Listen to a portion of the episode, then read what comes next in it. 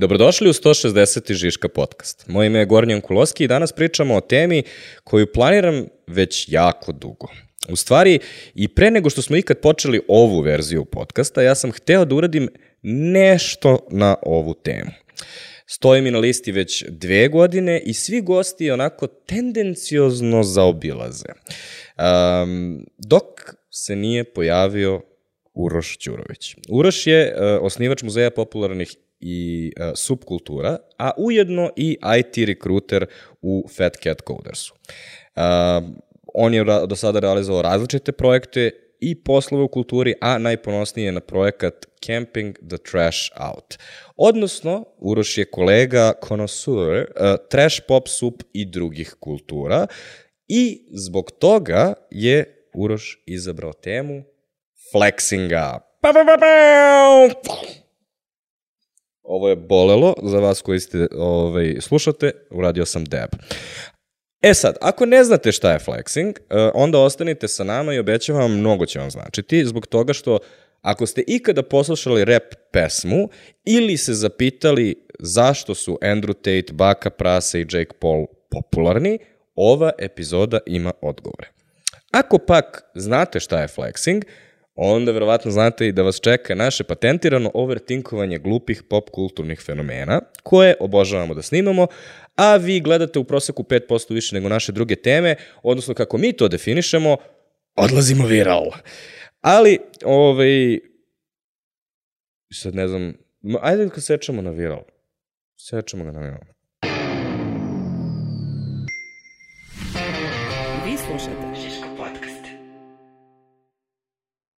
Elem, Uroše, zašto si izabrao flexing kao temu i uh, obradovao me?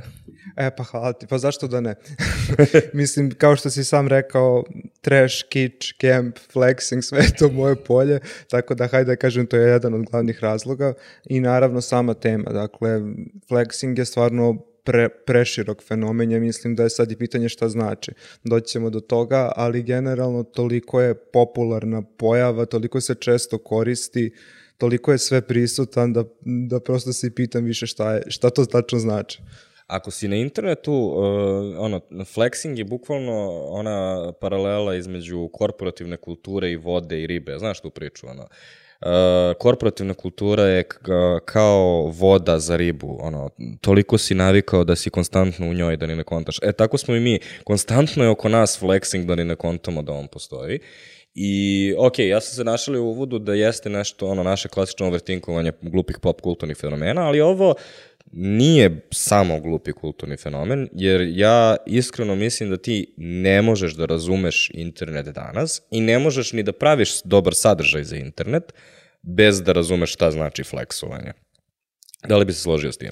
Da, i obrnuto, neko ne možeš da razumeš celu online priču i online zajednicu, da ne znaš šta je fleksanje. Ili fleksovanje, više ne znam kako se prebacio u srpski, ali to je to u suštini. Ne, većinu fenomena i većinu, ajde da kažem, ponašanja ljudi na internetu koje su često preterana prehvalisanja, prehvalisanja previše svega, neko teško je razumeti ako se ne razume prethodno koncept fleksanja. Tako da, Hajde da počnemo onda sa time da definišemo šta je flexing.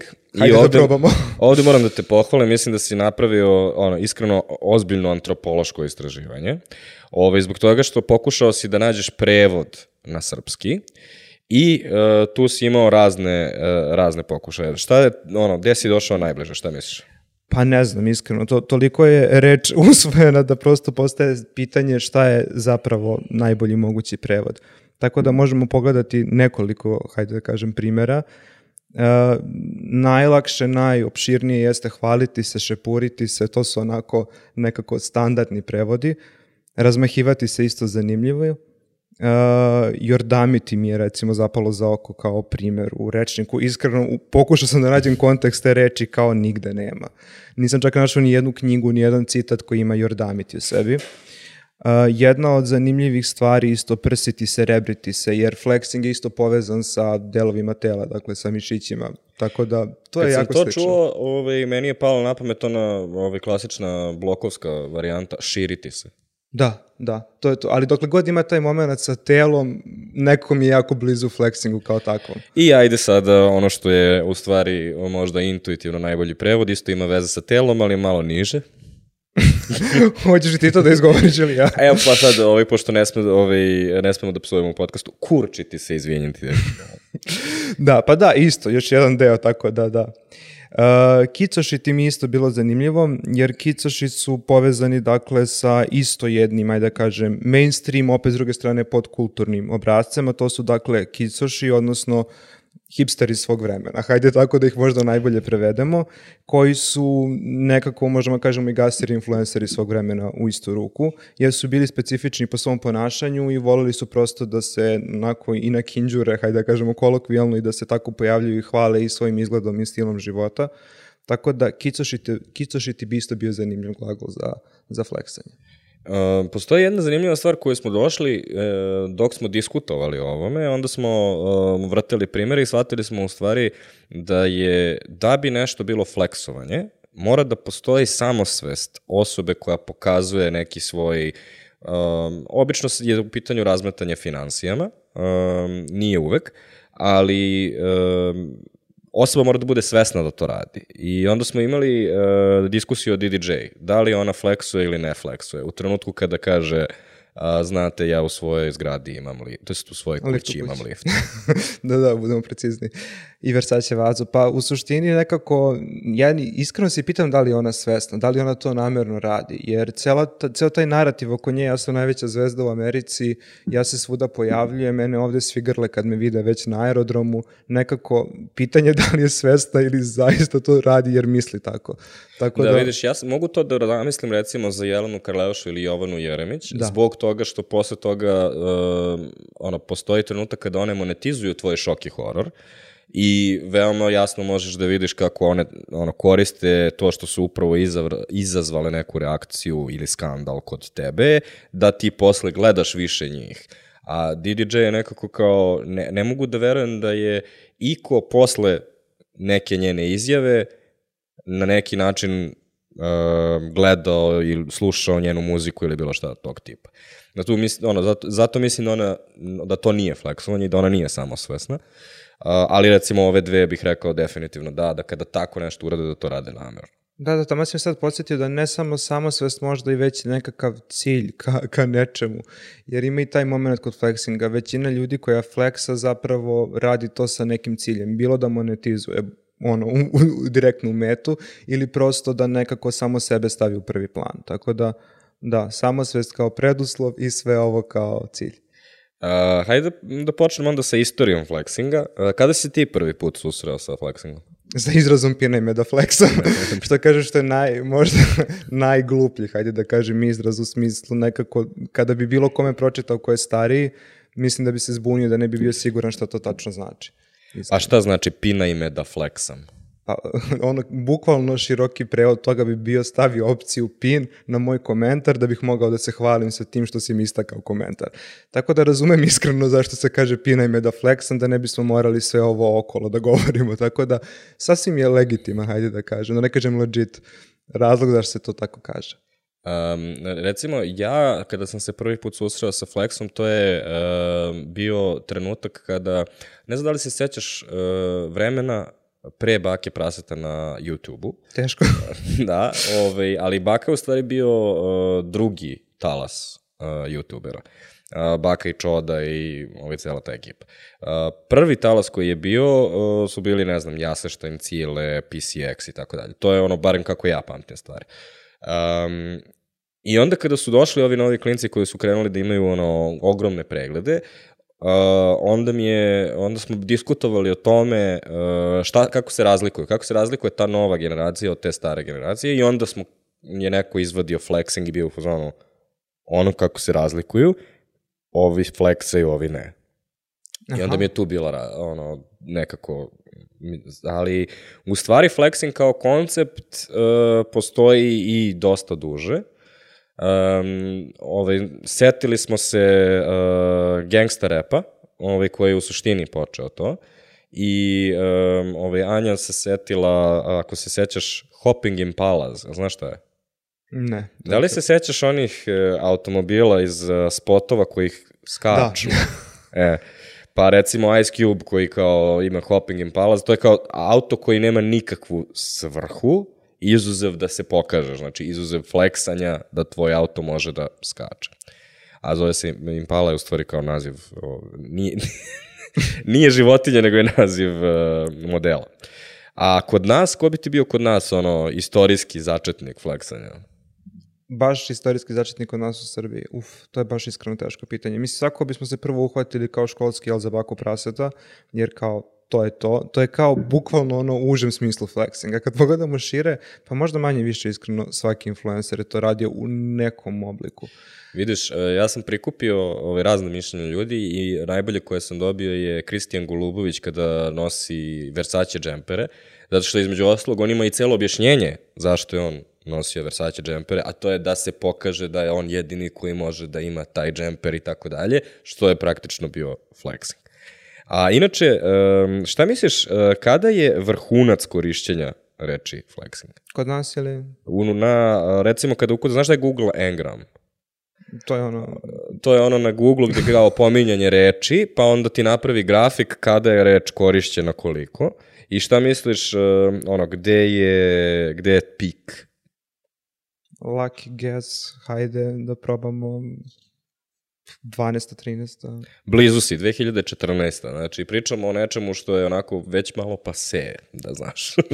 pa jeste, iskreno jeste. I sama reč, prosto kad se pogleda i definicija u rečnicima je jako rano već ubačeno to alternativno značenje. Dakle, kad otvorimo rečnike tipa Cambridge, Merriam-Webster, u suštini vidimo da ta reč već je unesena u tom obliku. Dakle, imamo prvu primarnu definiciju, dakle, bukvalno kontrakcija mišića, savijanje predmeta i onda odmah imamo već kao treću kolokvijalno značenje, ovo o čemu govorimo, dakle, hvalisanje i često se ističe hvalisanje do te mere da je bukvalno neprijatno, da ne kažem cringe. Tako da mislim da to možda, eto isto zanimljivo, razlikuje flexing od običnog hvalisanja.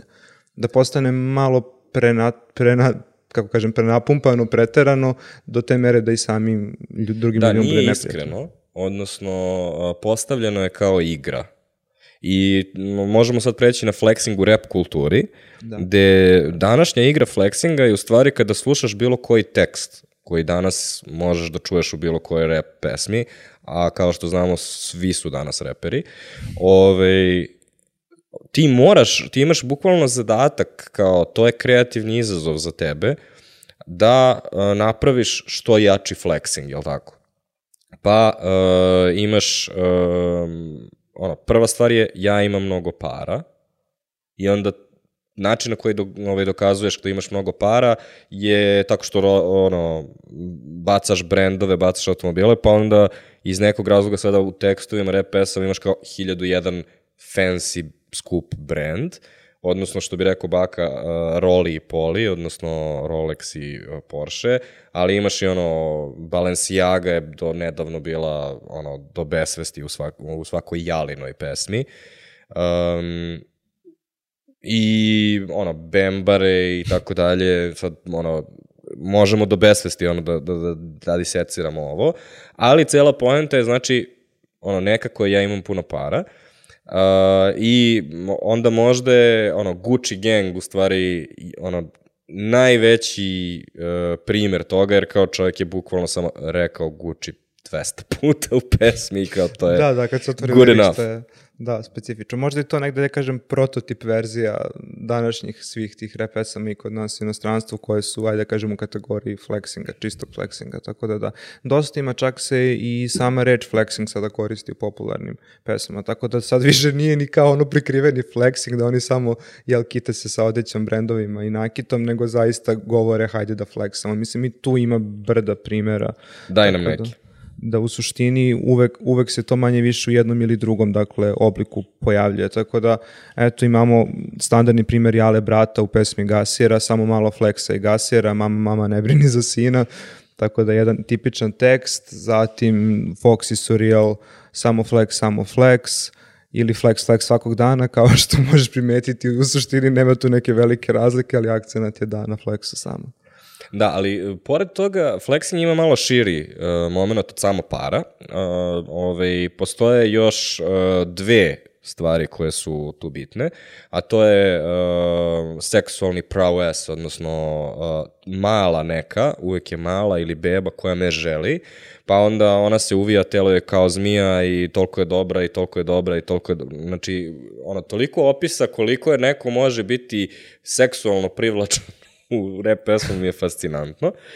I druga stvar jeste Balkan specijal, a to je, nemaš ti da fleksaš samo, mora da bude neki kriminalni element tu, znači ili neka droga, ili neki pištolj, ili nešto tu mora da se ono pojavi da bi to bilo zaista fleksanje. Znači nije fleksanje ono, Uh, zamišljam sad ono Branka iz Nordeusa kao u fazonu, je, yeah, imam puno para, zaradio sam jer sam radio puno i kao ne, ne, kao moraš to da si dobio na neki nedozvoljen način.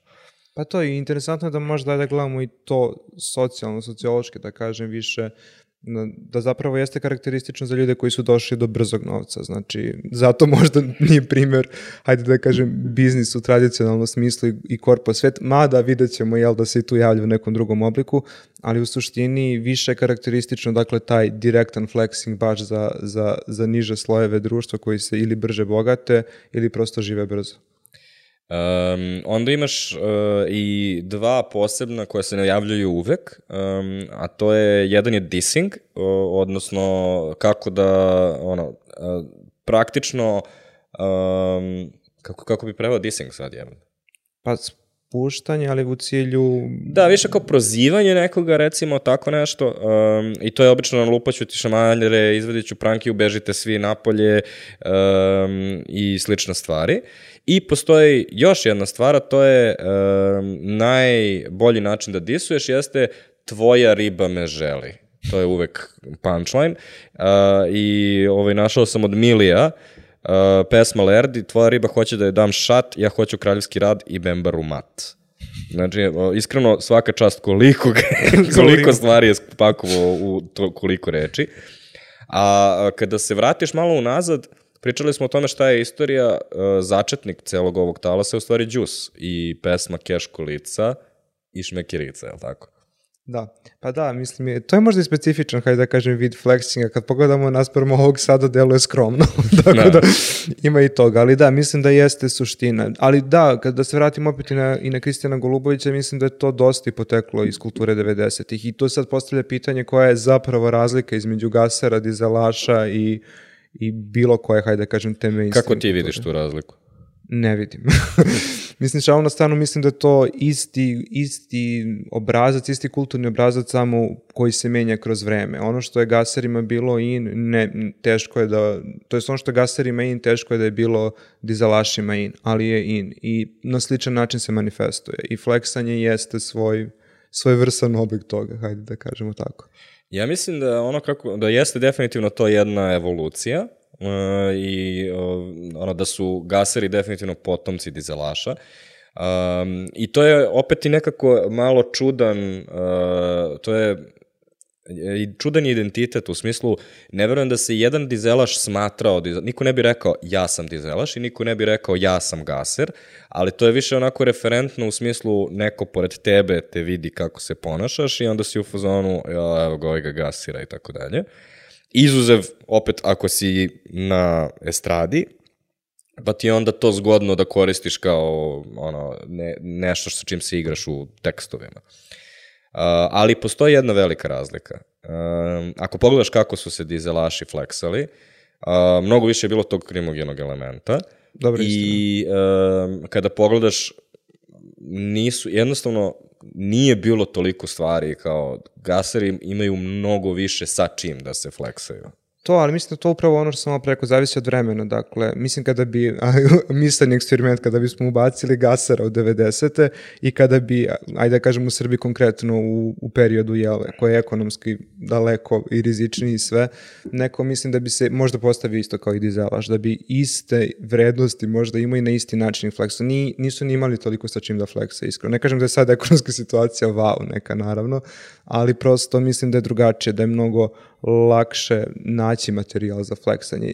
Počeš od onoga što smo mi pričali, to je dakle da masa tih zvezda koje fleksaju zapravo iznajmljuju automobile za svoje spotove, zaista ih ni nemaju. Tako da, ali opet lakše je da, da se predstave. Ne znam da li si mogao u spotu 90-ih toliko baš da nađeš kompanije i brendova koje bi mogao da iznajmiš, Ali zapravo, eto, reci mi ti tvoje mišljenje, sad razmišljam naglas, da li si mogao ili nisi mogao naći, to je uopšte i pitanje. Ne, ne, mislim da je, a, danas je ceo taj sistem razrađen i sistem produkcije tih spotova je razrađen, tako da ono, danas je kao verovatnije da ćeš da rentiraš taj auto a, i postoji produkcijska kuća koja je već rentirala takve automobile i tako dalje.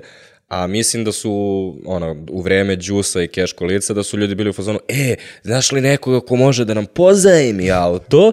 I da je mnogo više bilo tog hasla da se, da se sve te stvari dese. Ali ono što je takođe ovaj, smešno, znaš, um, danas, na primjer, će ono, rentati Bentley, na primer, a tada je bilo u fazonu u Volkswagen široko, ali znaš, spušten je pa kao može. Ove, tako da u, tom, u toj nekoj igri, mislim, danas to izgleda, ali takođe, ako se vratimo u kako je to nama izgledalo tada, razumeš, ono, izađeš, na, izađeš iz grade na parking i vidiš Renault 5 i ljudi su u fazonu, uh, šta se izotvorio komšija za Renault 5, znaš. Kao, ne možeš, teško je da se sad abstrakuješ u, u to vreme da bi to znao. To si pravo. Pa da, pa svoje vrstne razlike i sličnosti tu postoja i hajde da kažem druga osnovna razlika, jel vremenski koja je uslovljena isto, je to da prosto i kanali komunikacije su drugačiji. Znači, taj cash kolice je bio samo na YouTube-u recimo, eventualno šerovo na Facebooku, sada sa Instagramom i TikTokom i ajde da kažem čak i jačanjem LinkedIna drugačije su pravila, drugačiji su metode fleksanja, materijali sa kojima se fleksa, jer ti kanali zahtevaju drugačija sredstva. Takođe je otvorilo aveniju da uh, demokratizovalo je fleksanje, E, pa odnosno da. nekad si mogao da fleksuješ ono možda na nekoj žurci i tako dalje, ali sada imaš Instagram i sada je ta igra fleksovanja postala nešto što svi igraju i pogotovo u nekom tinejdžerskom periodu. I, na primjer, postoji jedan jako zanimljiv uvid koji smo mi um, ovaj, naboli u istraživanju kako pogotovo adolescenti koriste Instagram. Kada dođe nekih ono 14-15 godina i klinci krenu da se zanimaju, ovaj, pogotovo dečaci, krenu da se zanimaju za devojčice, a, dolazi prekretnica koja se zove drugi Instagram profil. Naime, postoji prvi Instagram profil na kome su oni radili sve što im je do tada bilo zanimljivo, a to je uglavnom ono, igrice, Minecraft, mimovi um, i slične gluposti. I onda se to preimenuje i otvara se profil koji je čisto za fleksanje. Znači, to je profil gde ono, slikao sam se u novom duksu, slikao sam se sa najnovim. Znači, ta, to je ista osoba, ali ta dva profila izgledaju totalno suprotno i različito. Jedan je za fleksanje, zbog toga što znaš da kako god da upoznaš, oni će da odu na Instagram i da istraže kako, ko si ti, šta, kako izgledaš i ne žele da to vidiš ono, aha, znaš, igraš Minecraft i tako dalje. I ono, mislim da je danas to generalno opšte svugde oko nas i tako dalje. Jeste, slažem se, mislim da. I to je to što se rekao lepa demokratizacija generalno. Svi ti kanali komunikacije su omogućili svakom od nas da fleksa, tako da možemo i ti ja fleksati, verovatno na neki način. E, pa doći ćemo mi do toga. S- ovaj, svi smo mi ZZBZ, što bi rekao onaj lik. Pa jesmo. Ove, ali hajde da, da se vratimo znači, na evoluciju, mislim, pošto mislim da postoji razlika između toga šta je to ime fleksanje i šta je neki poriv iz koga to dolazi, pa to sad možeš ono, da ga vučeš nazad do praistorije sigurno. Međutim, flexing kao izraz e, je dosta vezan za YouTube kulturu. I mi smo pominjali lokalne primere, ali u stvari je počeo uh, na globalu sa youtuberima poput Jake Paula i uh, veoma je vezan sa vlogom kao formatom, zbog toga što u vlogu je cela poenta bila uh, ne samo da pustiš onu Casey-evu muziku i kao onda si na, ono, snimiš svoj dan. Nije bila poenta samo da snimiš svoj dan, nego tvoj dan je morao da bude mnogo bolji od prosečnog dana prosečne osobe i kroz to si morao da proturiš nekako flexing. Um, I onda recimo uh, su naši youtuberi to ovaj, uh, skinuli kao, na primjer, Jan koji je imao uh, klip Iznenadio sam druga novim autom u zagradi 35.000 eura. I to je on i sad mi stao mozak ovaj iz Pančeva, dečko što vozi motor sada i ne mogu da se setim trenutno, ali njih dvojica idu do svog drugara i ono, kupe auto, neki Jeep Mercedesov za 35.000 eura i onda se, a, izvini, ima još jedno, zvezdica, emotivno zvezdica. I dobio 650.000 pregleda, tako nešto. Pa da. I očigledno se onda postaje pitanje zašto je to toliko zapravo i, i popularno, mislim, i zašto to prolazi, hajde da kažem onako kolokvijalno. A šta bi ti rekao, zašto, zašto je flexing uh, popularan? Pa mislim da je to kao i, hajde da kažem, svaki manje više pop kulturni obrazac ima za cilj da nam prikaže nekakvu idealizovanu sliku, nešto što želimo da imamo. Mislim, to je generalno, ajde da kažem, blisko i brandingu i marketingu. Uglavnom ti prodaje priču nešto što bi ti želeo da živiš, nešto što bi ti želeo da imaš. Skoro sam gledao dokumentarac ponovo, sav taj folk koji se bavi, dakle, mainstreamom s kraja 90-ih, početkom 2000-ih. I tu su isto različiti i teoretičari i stručnjaci u oblasti medija komentarisali upravo da nekako je ceo, cela turbo folk kultura zapravo imala za cilj da proda nekakvu iluziju života koji u tom trenutku nije bio moguće. Tako da ima dosta toga iskreno. E sad, s obzirom da je danas opšte prihvaćen, flexing i ono da ono uglavnom koriste klinci onda uh, ljudi koji uh, smatraju da su uh, deo neke ono evoluiranije zrelije kulture imaju um, pretenziju da uh, misle da mm, da njihovoj kulturi flexing ne postoji. I onda se vratiš i recimo prodavanje tog istog sna je Breakfast at Tiffany's kada Tako. Audrey Hepburn gleda u taj nakit i to bismo svi smatrali kao o, to je baš kao ono klasični film i tako dalje. Isto tako uh, MTV Cribs koji je kao pop kulturni fenomen uh, koji je mnogo širi od našeg folka i ovaj, youtubera, je u stvari bio čist flexing, jer cela poenta zašto smo mi gledali te gajbe je zato što su mnogo lepše od kao naših prosečnih gajbi. Ove, ovaj, I um, vrhunac toga mi je, um, postoji uh, jedna, ove, ovaj, jedno prelepo objašnjenje uh, um, starih portreta, onih uljanih portreta. Uh, da li znaš uh, portret zove se The Ambassadors? Znam, mislim, ali samo to znam. kao, e, sad. Ovaj, um, svi, svi znaju zato što je veoma, veoma je upečatljivo, zato što između ostalog postoji ona lobanja koja je razvučena na podu.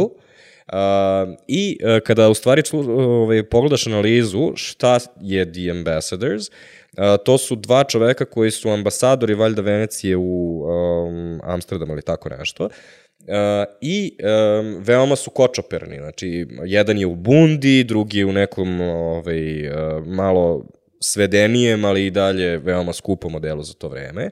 I njih dvojica stoje naslanjeni na policu. Na toj polici su naređeni ono, mnogi artefakti koji su u to vreme bili izuzetno redki i, wait for it, skupi. Znači, cela ta um, ono, kompozicija ambasadora je čisto fleksanje.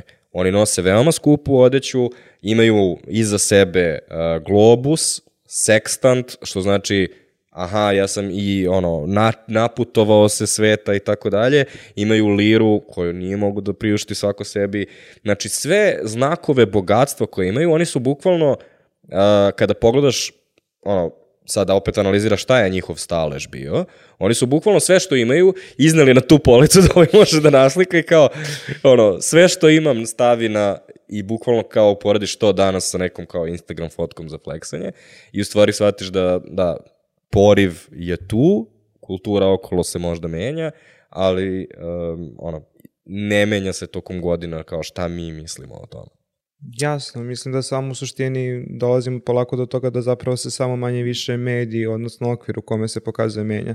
Korak nazad od, od, od, od, od pomenute slike je i recimo cela kultura Versaja. Mm. Iskreno, mislim, to je stvarno čist flexing. Ono što pola naroda nije mogu da priušti u tom trenutku je bilo prikazivano na tim slikama. Da ne pričamo samo o arhitekturi višeg staleža. I tapetama od zlata i tapetama zlata, da, ako ćemo preciziramo. Tako da mislim da svako doba zapravo ima svoj flexing. Samo ga možda nije tako zvala u tom trenutku.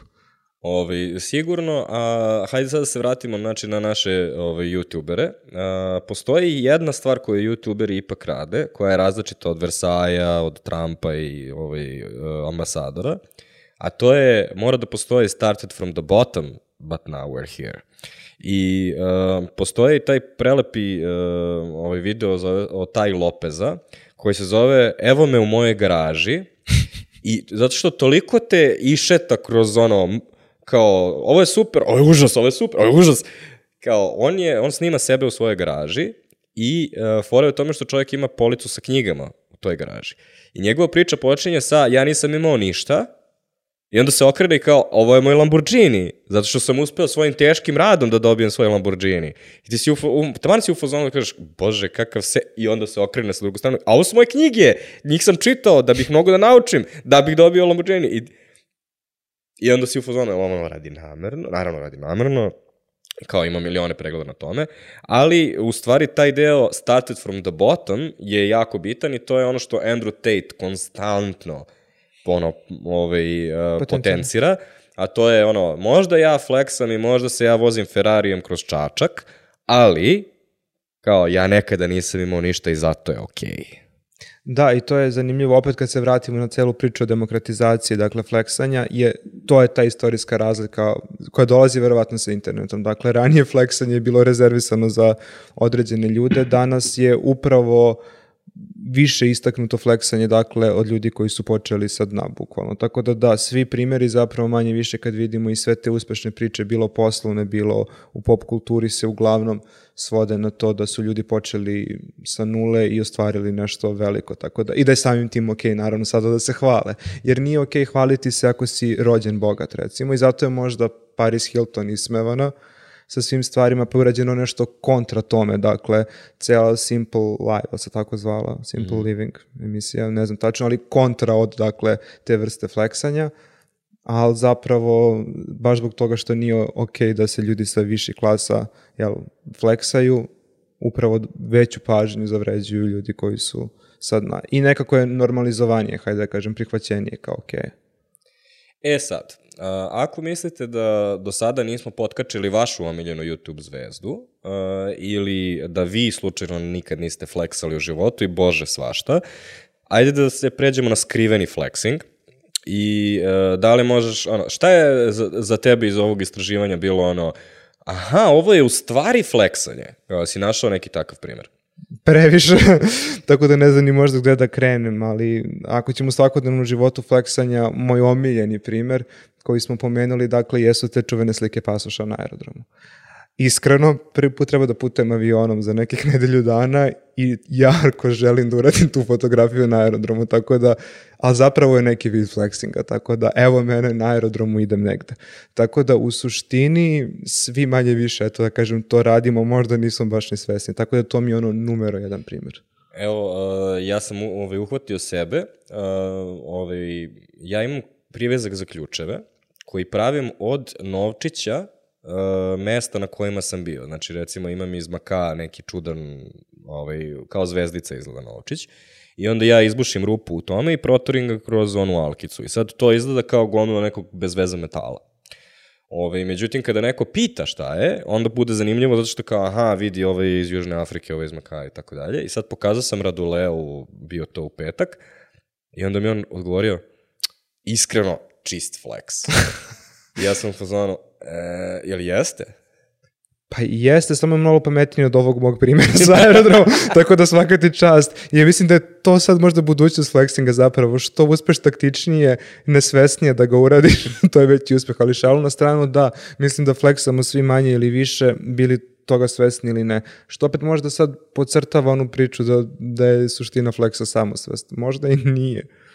Da, pa svi imamo neki poriv da se pohvalimo, kažemo, ali flexing postaje u trenutku kada to postaje igra i utrkivanje, možda je to ovaj trenutak.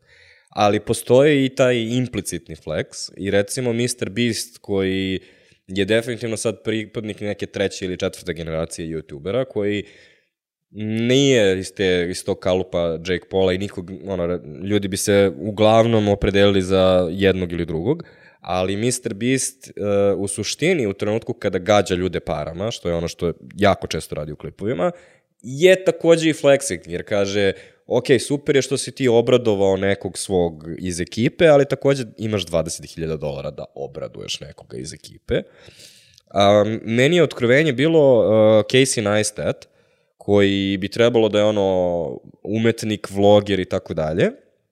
I onda je PewDiePie uzeo Casey-a i onda kao 20.000 evra uh, prva klasa Etihad mi je platio, ne, pogledajte kako to izgleda. Ja idem za jedan dan u Nemačku i uh, nazad na konferenciju, ti u stvari gledaš njega koji živi neki globe-trotting život, pa sama činjenica da je njegov, njegova scenografija je praktično New York i najveći grad na svetu i onda on živi u tom New Yorku tako što ono ima ono trči kroz njega ili kao vozi svoj električni skate i slične stvari. Sve to je i dalje neki ono život koji bi potajno ipak mi svi želeli da živimo, da budem veliki kreativac u New Yorku. I onda to isto spada pod flexing. Uh, trenutno, uh, trenutno popularno je doniram hiljadu dolara streamerima da vidim njihovu reakciju. Ja znam, znaš te videe. E, čuo sam za nešto slično, da, da, to je to sušti da se daju novac za tako neke komentare i reakcije. Pa to je slično ovo kao sa Jankom, znači, ono, youtuber upadne na nečiji stream, da ogromnu količinu para i onda kao, oh my god, guys, ne verujem da mogu da verujem kako je odreagovao, a u stvari šta ne možeš da veruješ, a i odakle ti hiljadu dolara, ja tebe da pitam. Um, pitanje, uh, nedavno, to jest prošle nedelje, zbog celog skandala koje je imala Balenciaga, Da. MC Stojan je objavio dva TikToka na koje seče jedne crne i jedne zelene Balenciage. Da li je to fleksanje? Da. Kao jasno, iskreno jeste fleksanje i sad upravo dolazimo do toga postoji i, što kažemo, i svesni i nesvesni flexing, ali i flexing koji je jako dobro upakovan u to da on radi nešto što je društveno poželjno i tekako u smislu. Dakle, znamo celu priču i u, u suštini se vrti oko toga dakle, da se napravi nekakav statement. Ali iz tog statementa ono što je scena dakle iza što smo pominjali je to odakle njemu dva para Balenciaga koje tek tako može da uzme i seče. Uh, ja sam se razmišljao kao u fazonu, ok, ajde vidim znaš, šta on tu ovaj, želi da poruči, ali onda sam otvorio komentare. Znači, u komentarima niko živ nije ni bio svestan da je Balenciaga imala skandal sa pedofilijom. Znači, samo su ljudi u fazonu, a ovaj lik seče skupe patike i onda je, aha, ovaj, fake su patike. To je većina komentara je bilo u fazonu, aha, iseko fake patike, pa nas sad loži. Druga stvar je kao, o bože, kakav flex, koliko ti para imaš da možeš da sečeš patike. I fazon, čitao sam sigurno 50 komentara, ni jedan se nije bavio, bravo Stojane, treba da cancelujemo Balenciagu, kao no. Pa to je zašto je negde i MC Stojan upravo simbol flexinga kod nas, između oslog, mislim, kako se oblači sve, jedan od, da kažem, simbola. I druga stvar, upravo dolazimo do toga da flex, flexing zapravo zavisi od konteksta, iskreno. Da nije sve flexing u svakom trenutku. Dakle, ako ti gađaš video na ciljnu grupu koja nije upućena u celu Balenciaga priču, pa za njih će to biti čist flexing.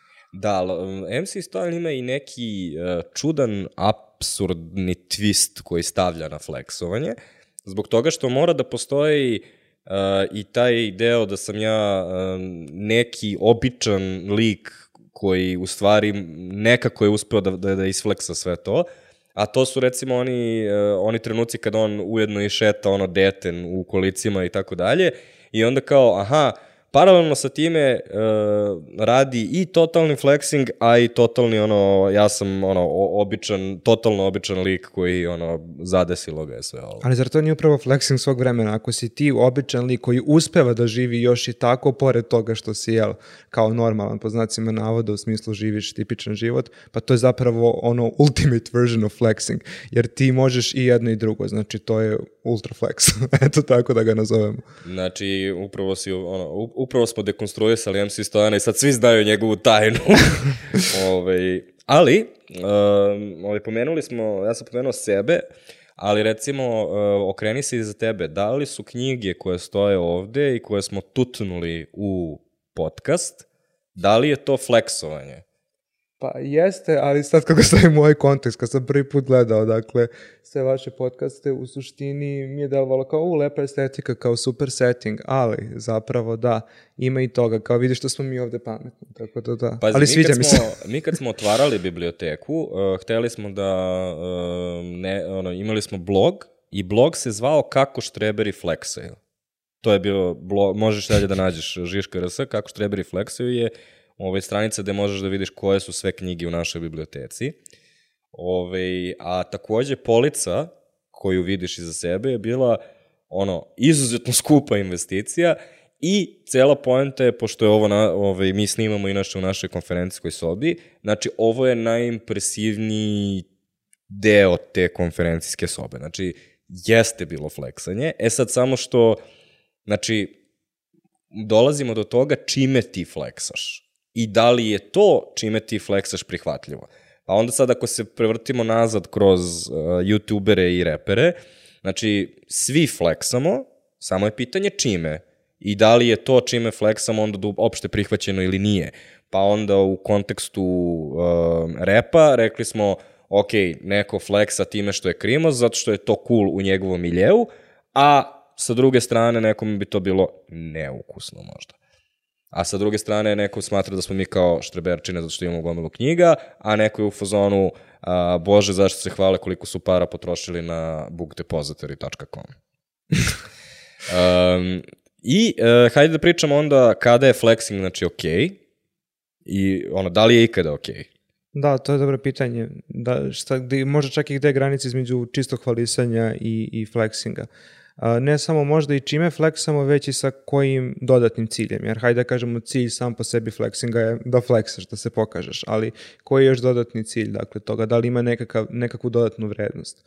Tako da, da, ima i primjera gde, gde neko, hajde da kažem, donira nešto u, u dobrotvorne svrhe, napravi flex priču oko toga, i to zapravo ispadne ok, sad kao gde je granica, pogotovo kad pričamo o kompanijama, gde je granica između dobrog CCR-a, employer brandinga i, i flexanja. Da, to je ono što jako često ljudi preskoče u našoj industriji, a to je problem CSR-a koji je veoma evidentan ako ikada otvoriš komentare, a to je a što ste se hvalili, mogli ste samo da donirate. I recimo, ja kad sam počinjao da radim u ovoj industriji, tada sam radio za Avon. I Avon je u tom trenutku uh, na nekom periodu od recimo 5 godina kompletirao kompletnu diagnostiku za rak dojke na, uh, sad slagaću da li klinički centar ili ne, bilo je pre 10 godina, ne sjećam se baš najbolje. I sećam se da su da je neko potegao to pitanje u, ovaj, u komentarima na neki od tih saopštenja koje smo mi slali, a to je, aha, super, donirali ste ne znam ka, šta, a što morate da se hvalite time. I onda je, postoji onaj, uh, onaj odgovor u CSR-u kao, a šta je bolje? Da, on, ono, bolje je da kompanija vidi neku korist u tome pa će više donirati, nego da sve, ono, to je neko ta tenzija koja je nerazrešena. Da li je bolje da ćutiš, i da se ne hvališ, ili sa druge strane da to koristiš kao CSR, ali onda zbog toga na kraju ti imaš na kraju opremljenu tu diagnostiku posle pet godina. Šta je, ono, to je neki kao absurd koji, u kome se CSR konstantno nalazi, ja bih rekao. Pa da, jeste, to mu je negde kao i suština, jer u isto vreme super zaista jeste društveno odgovorno poslovanje u, u užem značenju, a s druge strane jeste cilj da kompanija sebe predstavi na što bolji način. Tako da, obzirom da balansira između ta dva cilja, normalno da dođe do, do te vrste sukoba skroz. Ja mislim da to samo, da, da, da je dovoljno samo da osvestimo da, ono, time što si društveno odgovorna kompanija, ne znači da imaš carte blanche da bilo šta u stvari bude cool što uradiš. Zato što it's for a good cause. Znači, na primjer, Aleksandar Milenković je u, na LinkedIn komentarima, on se setio doniranja i on je to formulisao kao ogromna kompanija, a Fazon donirali, donirali su dva laptopa koje bi inače raskodovali. Znači, ono, postoji neka mera koju u odnosu na to koja je tvoja veličina, ljudi očekuju da ti onda doniraš, pa je onda okej okay da se pohvališ. Isto tako, o, mo, ono, pitanje je koliko ljudi učitaju nameru iz toga što uradiš. Naprimer, uh, ja šerujem kada god Žiška dobije neku nagradu. Šerujem to na LinkedInu. I to su po, postovi koji m, su među najboljim, ono, najbolje prolaze. Ljudi ono, te podržavaju, ljudi su, drago im je zbog tebe. Ali mora da postoji taj neki trenutak e, skromnosti koju ti preskočiš. Pa onda budeš u fazonu, znaš, e, ja sam, nisam želeo ovo da podelim, ali toliko mi je drago da sam onda podelio. Jer, I sad ne treba ti da kažeš to tako. Ali mora da postoji ta neka zadrška koja, koju ljudi osete da bi ti dozvolili da onda slave zajedno sa tobom i da bi tvoj flexing nagradom bio cool. To ti je zapravo i dobar primjer. Mislim, ja kad sam dolazio u Fat Cat, sad su donirali tipa oko 38, mislim, kompjuterske opreme Pavanačkoj gimnaziji i moj prvi komentar je bio, a što ovo nije malo više na sav glas? Ali zapravo, pošto je to, dakle, akcija skupljenja, dakle, da su učestvovali i druge kompanije i nekako je upravo to zaista sa nekim, hajde da kažem, ciljem, da, da ne bude sad ja ovde da flexam i da hvalim, ali zaista je urađeno. Upravo to što si rekao, neko je mnogo bolje i bilo subtilnije kada su ljudi zaista krenuli da, da dele tu akciju kao takvu. Tako da ima dosta od toga. Tu se povlači crta. Znak. Dakle, čitava poenta kod društvenog odgovornog poslovanja je to da se povuče granice između onoga kad je zaista društveno odgovorno, a kad je samo poslovanje. Tako da da.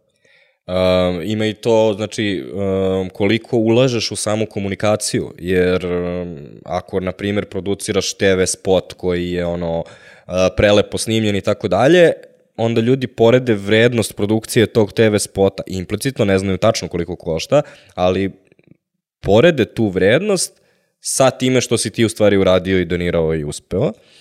Um, a Kristina Vuković nam je uh, rekla kao fleksovanje nagradama koje smo osvojili samo zato što smo sponzori festivala, a to je da će ljudi učitati koliko si ti to uradio, da bi onda znali da li je okej okay da fleksaš ili ne. Uh, a takođe, znači šta, ono, koliko je to realno uspeh ili nije. Ognjen Vuković se setio ovo nedavno što se desilo, gde su firme stavljane na LinkedIn da su dozvolile da se gleda utakmica reprezentacije u firmi. I to mislim da je, da je baš uh, razlika bila u komunikaciji.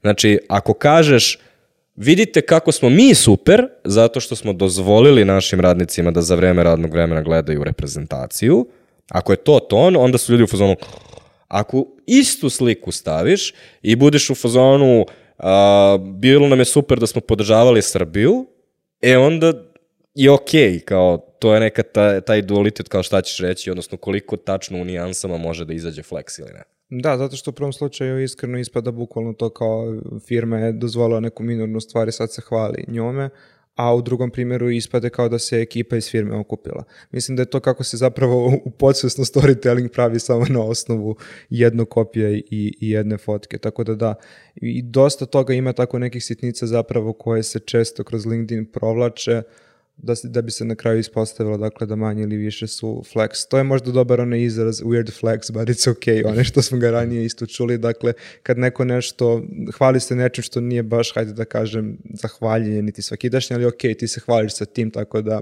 it's weird flex i to je ok. Po meni jeste malo iskreno weird flex hvaliti se time da tvoji zaposleni gledaju dakle utakmicu, to je nešto što se ili desi ili se ne desi prosto. I hajde da nastavimo sada sa evolucijom uh, društvenih medija, znači da pređemo na Instagram. I uh, s obzirom na to šta smo sve do sada pričali, deluje kao da na Instagramu ne možeš fleksati, zato što je potrebno da imaš muziku, da, da imaš ono, izgovaranje nekih reči i tako dalje. Međutim, u stvari Instagram je, kao što smo rekli, oddemokratizovao i pored toga što je dozvolio svima, napravio je i tu uh, klasu, da kažemo, influencera koji su u stvari fleksanje i, na primer, slike najrazličitijih restorana gde sam bila, a ono, kada sabereš samo koliko često se to dešava, otprilike, odakle ti pare, svaki dan si u nekom drugom restoranu. Šta ima još? Flex influencer ili flexuenceri, što bih ja rekao da ima i koliko, koliko, koliko nećeš na Instagramu, ali da, pa bilo je raznih stvari, bilo je do toga da su nailazili čak, da su odlazili do te mere da su nailazili čak na neku vrstu blokade i srama. Dakle, imamo slučaj influencera koji su editovali, dakle, svoje pozadine da bi izgledali da su na drugim lokacijama, a zapravo nisu. Tako da, mislim da je toliko usvojeno fleksanje da ga ljudi rade hteli, ne hteli na ovaj ili na onaj način. A konkretnih primjera pa ima, ima, ima puno. Pa baš. recimo travel blogeri su jako često primer fleksanja zato što ono super je ono što imate tu priču o samo otkrivanju i tako dalje, ali ako ste jednog dana na Baliju, a sledećeg dana na Kanarskim ostrvima, onda ipak znamo da ono, to nije život koji može da priušti prosečna osoba i to je delom i flexing. A, međutim, Mm, baš kad smo već konkretno kod Instagrama, uh, mislim da postoji rok trajanja. Da. I uh, da je ono, pričamo o tome koliko je to do algoritma, koliko je to do mete i toga što oni uh, forsiraju oglase, Znači, i svim influencerima i svim brendovima opada organski rič na Instagramu već godinama i sva, sve je gori i gori.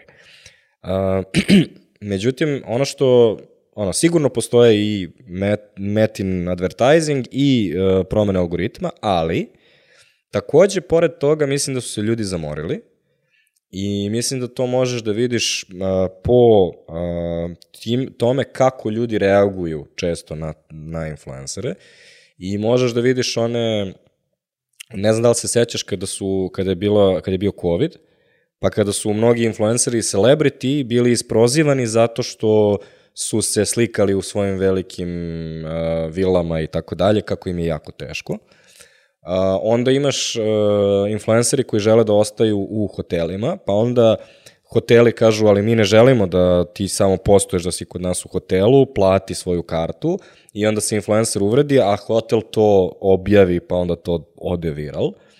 Ili nedavno, uh, influencerka sa TikToka koja se zove Lidija Milen, Uh, koja, pošto u Britaniji su trenutno restrikcije između ostalog i grejanja i ljudima je jako hladno u sobstvenim kućama i ona je da se poistoveti sa običnim čovekom rekla uh, ja koliko mi je hladno kod kuće popizdela sam, rezervisala sam apartman u Savoju, što je kao fancy skup hotel, i uh, ide da se brčka tamo u spa i onda rad, ono, sedi i kao snima sebe šta će da nosi u Savoji. I ovaj, ono, ljudi su je isprozivali najstrašnije, ali ono što je meni tu fascinantnije ko je uopšte tu ženu gledao do tada i zašto?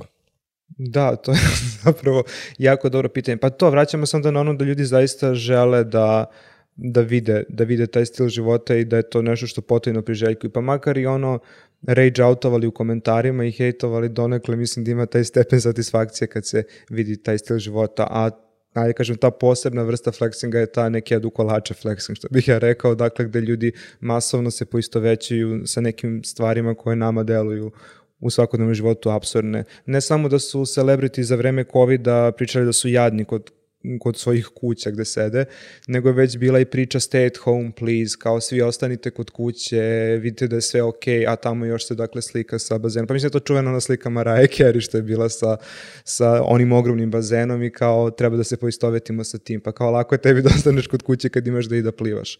Tako da u suštini mislim da je to neka vrsta opet manje svesnog flexinga u smislu da činjenično je flexing i svesni su da se time hvale, ali mislim da zaista postoji mala doza naivnosti ili sam možda samo ja naivan pa to tako čitam. Uh, I onda je došao TikTok i veliko obećanje TikToka je bilo svi se foliraju na Instagramu, svi se foliraju na YouTubeu, na TikToku se ljudi ne foliraju. Da li to znači da nema flexinga na TikToku? Pa naravno da ima. to je najsmešnije bilo kod, pa kao što je bila priča da neće biti product placementa niti bilo kakvog advertisinga na TikToku, pa jeste da možda nema tradicionalnog jel, sponzorisanja reklama, ali i tekako ima, dakle, Uh, ili ima sad sponzorisanje na TikToku? Ne, ne, ima ali neko od nas u regiji, najavili su pre godinu i po dana da će da krene za šest meseci. Veoma velika boljka preskoči, to samo nemoj me nervirati. Jasno, hvala. u suštini, dakle, mreža koja je bila odsečena od cele te advertising priče, da bi se na kraju šta desilo, da se svi influenceri manje više i sa YouTube-a polako kače, dakle, zbog mlađe publike i šire publike i veće, hajde da kažem, riča na TikTok. Tako da prirodno dolazi do toga da se flexing javlja u onom ili onom obliku. E sad, možda to nije tradicionalni flexing i treba malo vremena još da prođe da bismo videli kako on tačno izgleda, Ali da, ima ga na nekim najabsurdnijim, ja mislim, načinima, nekakvim, mislim, iskreno ne znam tvoj doživljaj o TikToku, ali kao dosta snimaka meni nema baš neku formu ni suštinu. Ali kad malo bolje pogledaš, kad oni tako se lepo srede, kad se tako nešto pokažu i kao urade neki samo ono voice over ili nešto, iskreno jeste nekav subtilni flex. Pa, znaš li ko je Liver King? A, da. E, Liver King je, znači, primer fleksanja, a, i to u veoma bukvalnom fizičkom smislu. Čovek je konstantno u gaćama da bi ti video kolike mišiće on ima. I ne znam da li si ispratio nedavno, Liver King je, um, ovaj, procurala je informacija da je na steroidima. Tačnije, neko je, neko je procureo njegov, uh, njegovu prepisku sa lekarom koji ga je vodio kroz veoma opasan režim steroida. A to je posebno problematično zbog toga što je on postao poznat zbog toga što je konstantno tvrdio da je razlog zašto izgleda tako kao što izgleda, zato što jede samo um, raw, odnosno Da, sirovu ishranu. sirovu ishranu, pa je onda jeo testise, bubrege i ne znam ti ja šta. Da, zbog toga ga znam. Da, i pod, za, tako je postao u stvari i poznat. Uh, tako da, eto, možeš tako da fleksuješ. Da li znaš za lika koji cepa drva? Pa ima ih više, mislim, ako misliš... Ne, ima jedan veoma konkretan koji cepa drva, nosi, nosi belu majicu i ove tregerke i um, ove cela fora je čovek cepa drva, ali su ga žene uhvatile pa onda stičuju sa njim dok cepa drva.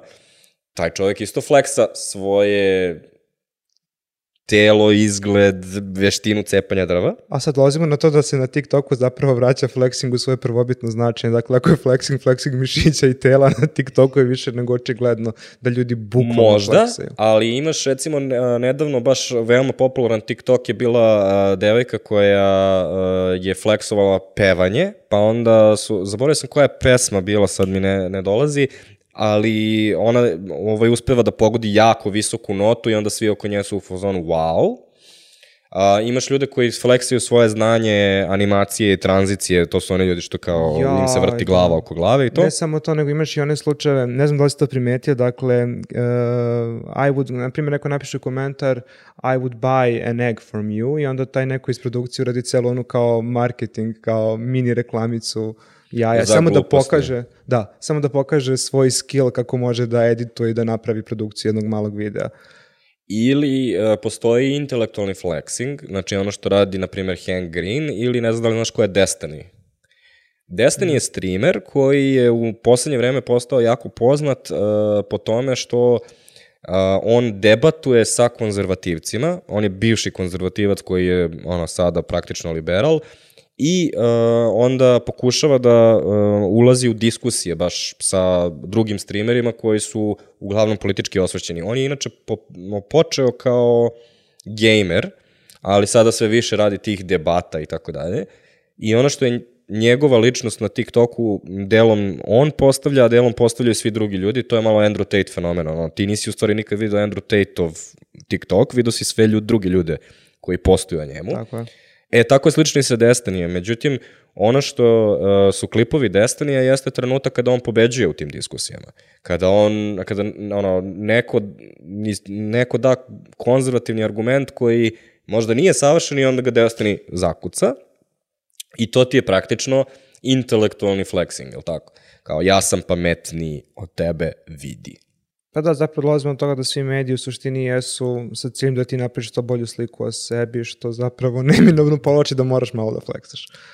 Ali takođe TikTok je, uh, pored toga što je kao nam dao sve te ono, fenomenalne, absurdne uh, niše u koje možemo da uh, zapadnemo, takođe je izrodio i novu generaciju internet šibicara, odnosno ljudi koji pokušavaju da navuku ljude na konkretne prevare.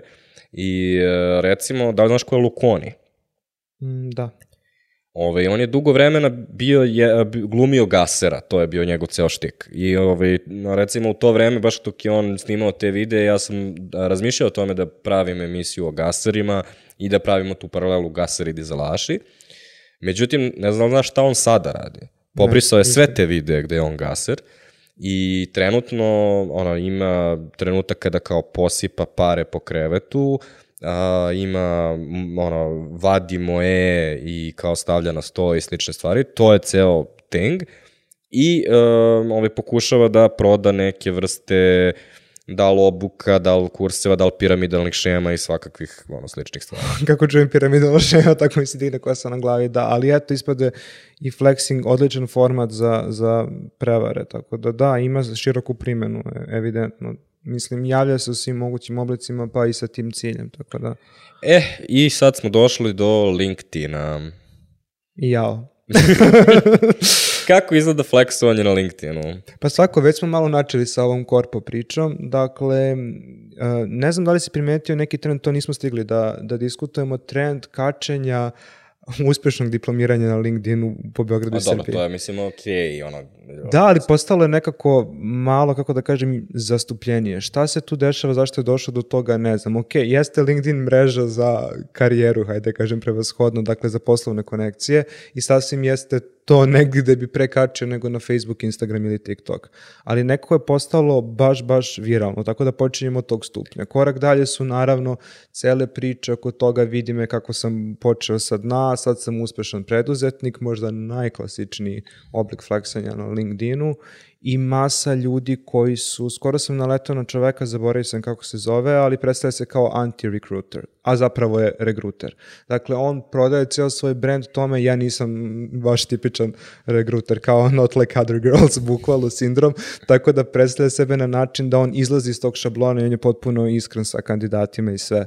Tako da, i to je nekakav flex, kao ja sam bolji od vas, ja imam potpuno neku drugu stvar i stalno pokazuje koliko je on uspešan sa svojim kandidatima i sa svojim klijentima, baš zbog toga što je drugačije.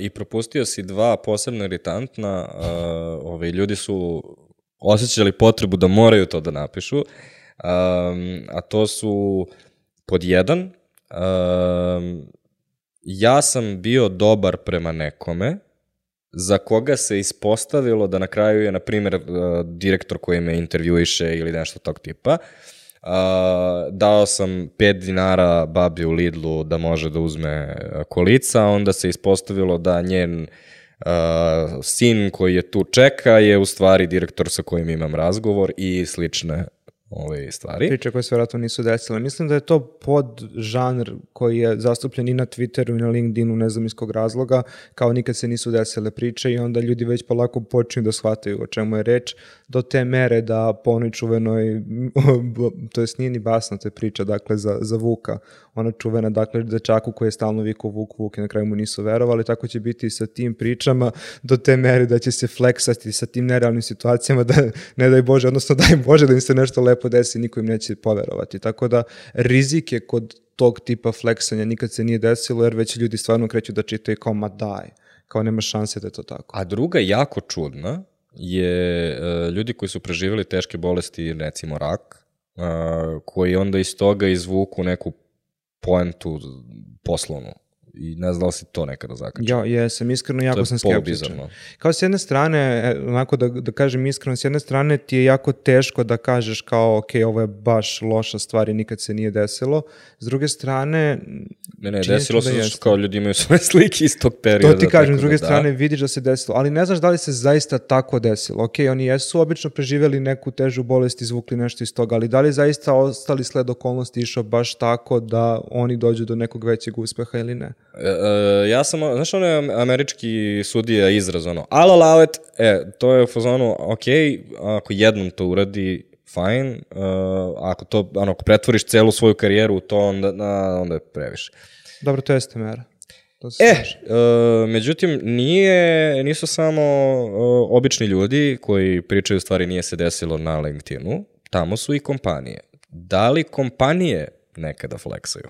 Pa najviše, mislim možda čak i više nego pojedinci, iskreno. Mislim, jer njima je LinkedIn bukvalno platforma za to. Kao, no offense, svi to radimo, tako da se neko ne uvredi. Svi to radimo u- većoj ili manjoj meri.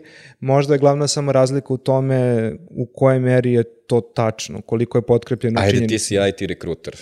Ajde, ajde. Ko, ja, koji su primjeri? Pa ima ih, ima ih mnogo. Mislim, od toga da se samo slika ofis i, i uslovi rada i okruženje u kojima su, dakle, kolege. Tako da to je ono najtipičnije. Ovo je naša kancelarija, pogledajte kako je skupa. Da, ali zapravo kao piše, pogledajte kako je lepe, kako se svi družimo, ono slika, ne znam ti, 50 nekih ono fancy automata za kafu, 100 onih, 100 onih tenisa, bilijara. Besplatna fudbala. hrana, snacks bar. Da ne kažem bazeni i teretane, ko već ima da ponudi, tako da u suštini sve se to pokaže sa nekim kao kopijem super cool druženja i svega, ali zapravo da, pogledajte koliko smo Ali, skupi. kao što je Vega naučila, nemojte baš preterati, to bogan je malo previše. Da, da. I ima, ima neka granica gde ljudi stvarno reaguju. Mada mislim da već ljudi polako i cringe iskreno i na te fotografije. Uh, mislim da uh, trenutno smo u jako čudnom mm, periodu u employer brandingu, jer recimo um, ovaj, neko je pisao u LinkedIn komentarima na ovaj post, a to je povela se diskusija o onim uh, fotografijama naših srećnih zaposlenih. I ako znaš veoma, ono, jedan od praktično klasičnih postupaka u employer brandingu je evo ga naš zaposleni, evo ga u kravati kako izgleda kada dolazi na posao, a evo ga kako je planinari ovaj, u svoje slobodno vreme, jer naši zaposleni imaju work-life balance. I um, ovaj, neko je napisao kao, ja kad vidim takve fotografije, ja znam da je sve to namešteno i znam da su otprilike ono, prišao ti je HR, pokucao ti na rame i kao, sada ćeš da budeš srećan. Ovaj, a sa druge strane, neko ko je, ovaj, je bio u fazonu, ali kao šta ako ljudi zaista jesu srećni, kao ok im je da se to okači, kao de, ono, zašto to ne bismo pokazali. Znači, postoji ta neka tenzija tu, sad pitanje je kako ćeš da je obradiš. Pa mislim da je to došlo kao posledica toga, možda i grešim, čisto stavljam kao tezu, da su kompanije malo preterale sa hvalisanjem, da ne kažem sa čistim flexingom po LinkedInu, do te mere da se ljudi su se prosto prezasitili i da sad više ne mogu ni da ocene šta je iskreno tu, a šta nije. Znam za ljude koji zaista jesu iskreno kačili, da uživaju svojim poslovnim putovanjima koji firma pruža, da uživaju u svom work and life balansu. Ja nekad nešto okačim što se meni svidi, ali verujem da sigurno ima neko ko će to protumačiti na ovaj ili na onaj način. Tako da mislim da je do prezasićenja. I druga stvar koja je dovela do toga da bude malo čudnija atmosfera jeste post-covid.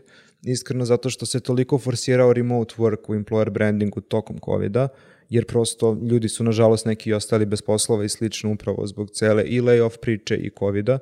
Tako da generalno teško je sad napraviti malo i taj shift ka a, srećnim zaposlenima koji putuju i koji dolaze u kancelariju imajući vidu da nismo mogli da putujemo i da nismo mogli da idemo u kancelarije. Tako da mislim da cijel employer branding u krizi identiteta.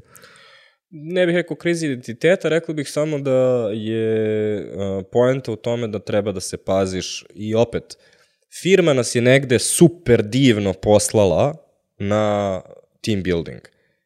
Zavisi kako ćeš to reći. Zavisi uh, šta će pisati u postu, ako praviš video o tome, koliko je napucan taj video, šta ljudi govore u tom videu, kako on izgleda.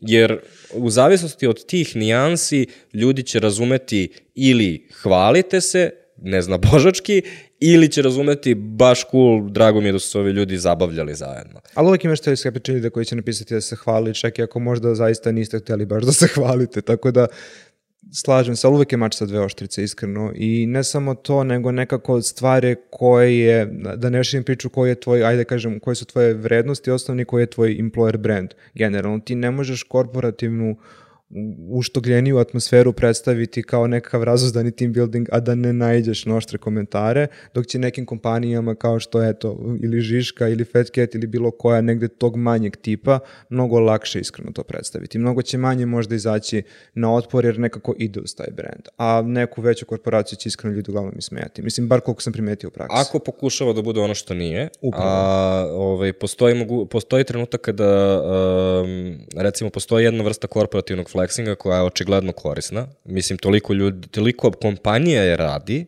da je očigledno da jeste. I uh, ja mislim da ljudi koji rade u tim kompanijama smatraju to primerenim i nikad nisam video da recimo postoji neka negativna reakcija na to, a to je ne znam da li znaš kako izgledaju sales konferencije velikih FMCG kompanija, na primjer. Ne znam, iskreno. Znači, zakupi se Bell Expo centar i onda se napravi fucking Eurovizija u uh, ovaj varijanti, uh, u, ono, brendirana u kompaniju. Znači, i onda izlaze na stage sa sve Madonna mikrofonima ispred go, ono, ogromnih ledova koji izgledaju veoma ovaj, napucano. A uglavnom a, ljudi iz marketinga zato što oni imaju planove za narednu godinu i onda prezentuju Salesforce-u, znači ljudima koji će bukvalno da sednu u auto i da prodaju to u nekoj maloj radnji. I cela poenta tog događaja jeste da se svi osjećaju inspirisano i motivisano da naredne godine zaista odu i, od, i odrade taj posao. Taj događaj služi kao čista motivacija celom Salesforce timu i celoj kompaniji kao neka vrsta galvanizacije za narednu godinu. To je jedna od stvari koje ti radiš tu je čisto fleksanje. Kao vidite šta sve mi možemo, koli, ono, kako izgleda i ono, kroz to fleksanje ti praviš entuzijazam za narednu godinu. I onda je pitanje zašto to radi, zašto se ljudi u tom trenutku osjećaju kao da kao to je nešto što smatraju i primerenim od takve kompanije, ima određenu svrhu i cilj, a to je u stvari mi ovde pravimo plan za narednu godinu i onda se osjećaš kao da, aha, vidi šta mi sve možemo. I moja teorija je u stvari zašto ovo sve ovo radi, je zato što kada imaš 12 godina, recimo, sećaš onog perioda kada američki rvači, odnosno kečeri, Da. kada misliš da su oni stvarni. to jest, nisi tačno siguran da stvarni nisu stvarni, ali tu si negde, razumeš, kao sve to neko, neko, neko među, po, ono, među mesto koje kao ti je okej. Okay. E, ti se nekako vratiš u tim trenucima u tog klinca, kada je sve bilo ono sigurnije, bolje i nekako kada ono reper baci tu rimu i ti je ponoviš, ti si u fazonu da. Kao na, ono, to, kad sam bio toliko naivan da je sve bilo toliko lagano i to ti je isti taj primalni instinkt koji ti radi u trenutima, trenucima, na primjer, kada sediš na toj sales konferenciji. Ovo je moja ovaj, teorija možda sam pretarao. pa nisi iskreno, meni je to zani, zanimljiva perspektiva, jer do sad nisam čuo. Evo ona koja je možda popularnija i crnja, a to je ta, da ne kažem, mračnija, je ta zapravo da, mislim i nije, e, da iako je primarno ideja takvih događaja da se uradi nešto sasvim okej, okay, često ode u drugu krajnost. I dva moja standardna primjera za to su sajmovi zapošljavanja, gde se na kraju pretvori u PR štandove uh, Dakle, kompanija, ako jeste cilj da, se, da masa mladih ili startuje karijeru ili da neko nađe neku drugu rolu, nažalost se završi u, kao tipičan PR event i drugi tip, neko je pričao jednoj dakle, konferenciji koja je bila posvećena a, mislim, ženama u poslovanju ili ženama u preduzetništvu, mnogo ih je, sad stvarno ne znam ni koja je tačno bila, ali suština je bila da, da što mi je rekla jedna koleginica, izašla sam iz te konferencije sa 20 PR kesa različitih i kozmetičkih proizvoda i prehrambenih i super stvari, ali ništa nisam čula o, o ženama u poslovanju. Bukvalno to se pretvorilo u čist PR događaj. Tako da negde verujem da postoji ta naivna namera i da što ti ljudi iz publike se zaista poistoveti da ima taj instinkt, međutim nažalost se to nekako prirodom jel samog događaja pretvori u PR event. Ili recimo kao što nam je Bojan Lozo uh, nas je podsjetio da ovo postoji, a to je pogledajte sve kutije od svih uređaja koje mi je dala moja kompanija, kao super je, ono, treba da, da dajete ono, sve, svu opremu koja je potrebna vašim ljudima, ali u trenutku kad ljudi to krenu kača na LinkedIn, malo postane previše. Da, da, to je neke pretirivanje. Tako da mislim da je to ono što opet da kažem razlikuje tipično, ajde da kažem i hvalisanje i tipičan neki moment employer brandinga od čistog flexinga, dakle, kad se pretera i kad postane stvarno cringe. To je flex. Hajde da pokušamo da zaključimo um, u odnosu na ono što smo rekli na samom početku. Uh, rekli smo toliko flexinga ima oko nas. Um, sada smo izneli toliko primjera da ja verujem da su i ljudi koji slušaju već umorni. Um, da li te brine što je ovoliko flexinga ima oko nas? Iskreno ne.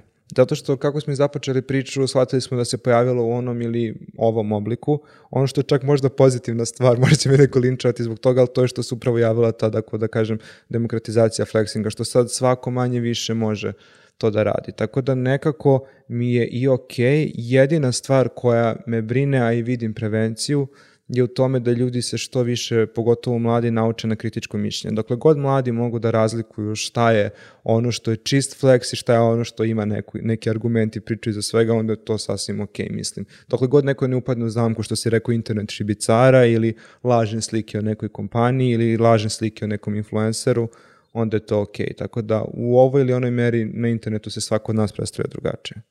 Da, ev, to je odličan zaključak gde bih ja voleo da, da završim priču, a to je ok je dokle god svi znamo šta se dešava i um, donekle to i moja motivacija da radimo ovakve teme i ovakve podcaste, a to je, postoji neka kao svojevrsna trka u naoružanju između um, nas koji koristimo internet i uh, ljudi koji su kreatori na njemu i takođe i društvenih medija i algoritama ko, protiv kojih smo suprotstavljeni, ja mislim, sve više i da, ono, kada obradiš ovakvu temu i kada znaš šta je moguće sve da bude flexing, gde, gde to možeš da vidiš, onda je daleko manje moguće da ti se desi nešto loše povodom toga.